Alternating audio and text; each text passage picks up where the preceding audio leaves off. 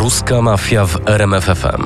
To podcast, w którym opowiadam Wam o najgłośniejszych zbrodniach, największych machlojach i spektakularnych porachunkach rosyjskich gangsterów z pierwszych stron gazet. Przybliżam też sylwetki najpotężniejszych ojców chrzestnych rosyjskiej mafii, worów w zakonie. Wymuszenia, haracze, kradzieże, tortury i oszustwa.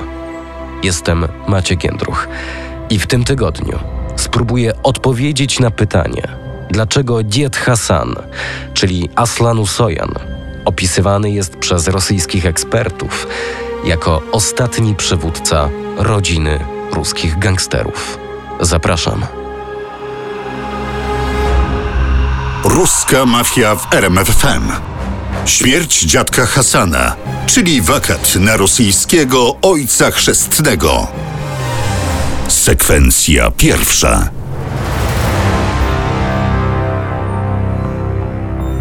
Dekada po zabójstwie. Po zabójstwie szefa mafii Aslana Usojana w 2013 roku tytuł rosyjskiego ojca chrzestnego pozostaje nieobsadzony. To zdanie przeczytałem w materiale opublikowanym w 2021 roku na portalu uranius.ru. Zdaniem specjalisty od kultury więziennej, dziennikarza Aleksandra Sidorowa, świat współczesnych worów w zakonie jest zbyt rozdrobniony i skupia się tylko na pieniądzach. Jak powiedział, rosyjski świat mafiozów klasycznego typu znacznie się zmienił i być może Usojan był jednym z ostatnich, jak zaznaczył dziennikarz, klasycznych worów w zakonie. W tym samym materiale specjalista przekonuje, że środowisko przestępcze w Rosji zaczęło się zmieniać już w latach 90., kiedy szefowie mafii w walce o władzę spotkali się z aktywnym sprzeciwem młodych grup gangsterskich. Przez lata jak zaznaczył specjalista, pod wpływem różnych wpływów instytucja tego tak zwanego warowskiego mira w kraju ulegała ciągłym przeobrażeniom, a dziś jest to mnóstwo mniejszych grup, niepowiązanych ze sobą jednym bosem, ojcem chrzestnym. A dziadek Hasan trzymał w garści całą ruską mafię. Były naczelnik milicji Moskiewskiego Departamentu Spraw Wewnętrznych, prawnik Jewgeni Harlamow, w rozmowie z uranius.ru wyraził przekonanie, że na półświatek mocno wpłynęło zaostrzenie przepisów, ponieważ, jak przekonywał w materiale Harlamow, bardzo często i dość surowo kryminaliści są ścigani na podstawie nowego artykułu. Chodzi o artykuł 210 Kodeksu Karnego Federacji Rosyjskiej, dotyczący zajmowania najwyższych pozycji w hierarchii przestępczej. Ponadto, zdaniem prawnika, potencjalni kandydaci na fotel rosyjskiego ojca chrzestnego często padają ofiarą gangsterskich starć i porachunków. Przykładów jest mnóstwo. Mimo wszystko, Media zaraz po zamachu na Aslana Usojana w 2013 roku zauważyły, że jego naturalnym następcą mógł zostać niejaki Miron. Sekwencja druga. Najpotężniejsi. Zmarły w kwietniu 2022 roku polityk, przywódca liberalno-demokratycznej partii Rosji Władimir Żyrinowski powiedział kiedyś o dziadku Hasanie, że w Moskwie nic się nie dzieje bez jego wiedzy. Dziadek Hasan, czyli Aslan Usojan, był ostatnim żyjącym szefem organizacji mafijnych tworzących się w czasie pierystrojki. Pochodził z Gruzji i był Kurdem. Mając 19 lat, 1956 roku został aresztowany za stawianie oporu milicji, a następnie został skazany na półtora roku pozbawienia wolności.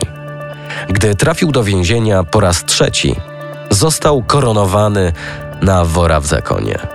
Swoje interesy rozpoczął, jak większość rosyjskich mafiozów, w połowie lat 80. XX wieku rządził niepodzielnie podziemiem od połowy lat 90.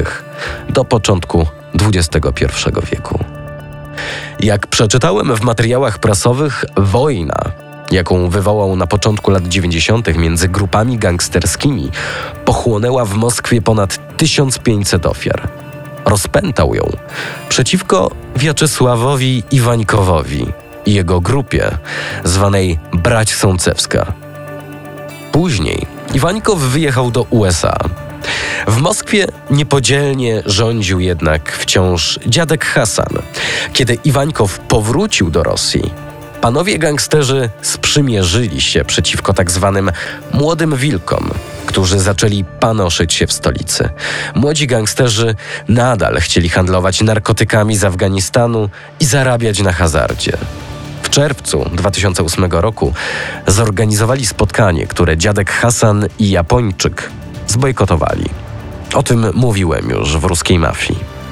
Media, powołując się na dane operacyjne pochodzące od organów ścigania, twierdzą, że Usojan kontrolował większość rosyjskich zorganizowanych grup przestępczych i rozstrzygał między nimi konflikty oraz łagodził różnice zdań.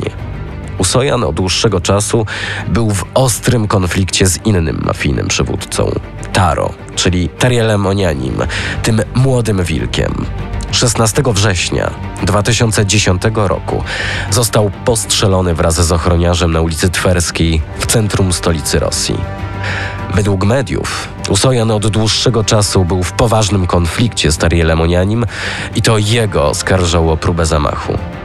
Ofiarą toczącego się konfliktu dzieda Hasana Staro, a w lipcu 2009 roku padł wieloletni znajomy Usojana, Wiaczesław Iwańkow. Został on zastrzelony w Moskwie. Iwańkowowi i temu zamachowi poświęciłem osobny odcinek ruskiej mafii. Możecie go przesłuchać na naszym kanale YouTube RMF Podcast. Sekwencja trzecia. Wakat. Rosyjska stolica stała się 16 stycznia 2013 roku areną brutalnych mafijnych porachunków. Przed jednym z lokali zamordowano Aslana Usojana, 75-letniego gangstera znanego jako Diet Hassan. Tak o tym pisały media.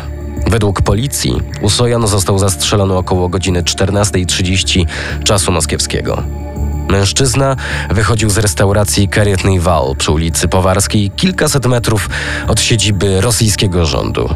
Snajper zastrzelił go z dachu pobliskiego domu. Dziadek Hasan zmarł w drodze do szpitala.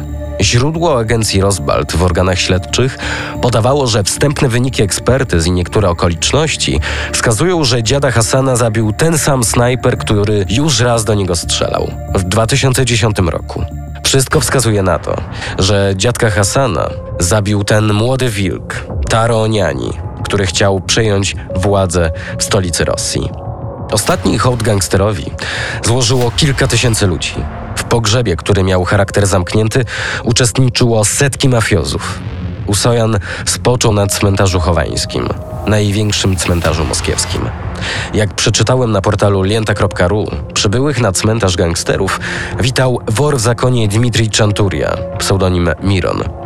Był krewnym zabitego dziadka Hasana, jak podał agencji Rosbald jeden z oficerów operacyjnych milicji, to podobna sytuacja jak w czasach sowieckich podczas pogrzebów sekretarzy generalnych KPZR.